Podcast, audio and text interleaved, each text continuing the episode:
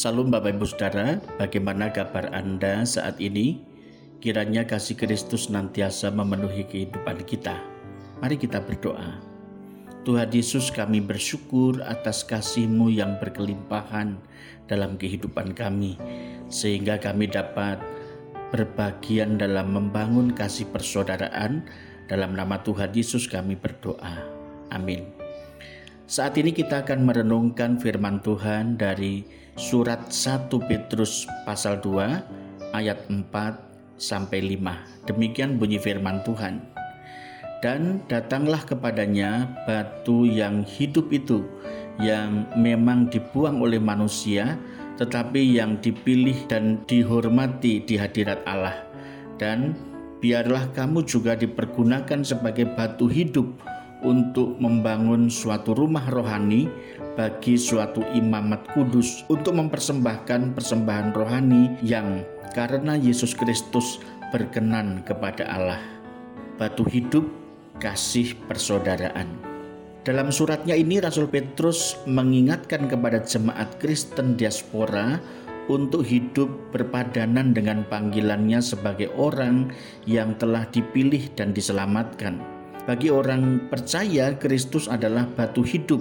Di dalam teks aslinya, liton sonta atau stone living yang menjadikan kita juga batu hidupnya. Petrus mendorong para pembacanya supaya mereka datang kepada Yesus, sang batu hidup itu, supaya mereka dapat menjadi batu hidup juga. Dalam terjemahan lain dikatakan, Sebab itu datanglah kepada Tuhan, ia bagaikan batu yang hidup, batu yang dibuang oleh manusia karena dianggap tidak berguna, tetapi yang dipilih Allah sebagai batu yang berharga. Inilah hal yang paling utama yang harus dilakukan, yaitu datang kepada Tuhan, membuat kita bisa hidup sedangkan mengabaikan kedatangan Tuhan dalam panggilan hidup kita itu akan membuat kita justru menjadi batu sandungan bagi orang lain. Tidak berhenti sampai di situ juga, Rasul Petrus juga mendorong setiap pembacanya mengalami progres pertumbuhan dalam hidup mereka. Tidak hanya benar dalam pengajaran secara doktrinal, tetapi juga melakukan pengajaran firman Tuhan dalam kehidupan bersama, untuk mempraktekkan kasih persaudaraan.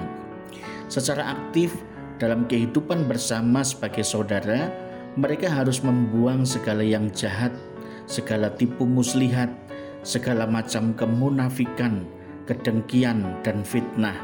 Kalau kita membaca ayat yang ke-1, hal ini menjadi semangat bersama untuk dipraktekkan dalam menjalani kehidupan bersama sebagai saudara kita harus menyadari sifat manusia lama kita yang juga terus berjuang dalam kedagingan dengan kecenderungan dosa.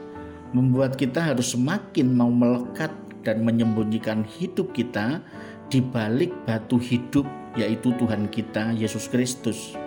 Supaya sedikit demi sedikit sifat daging itu semakin dikikis sehingga hilang kuasanya. Kesadaran akan kebutuhan anugerah Tuhan, batu hidup kita, membuat kita peka terhadap sifat iri hati, dengki, munafik, sebagai sifat kedagingan dan berbagai sifat daging yang lain, hal itu bisa sangat menghambat dalam relasi kita dengan orang lain. Sebab sifat seperti ini hanya akan membawa perselisihan, perpecahan di antara kita.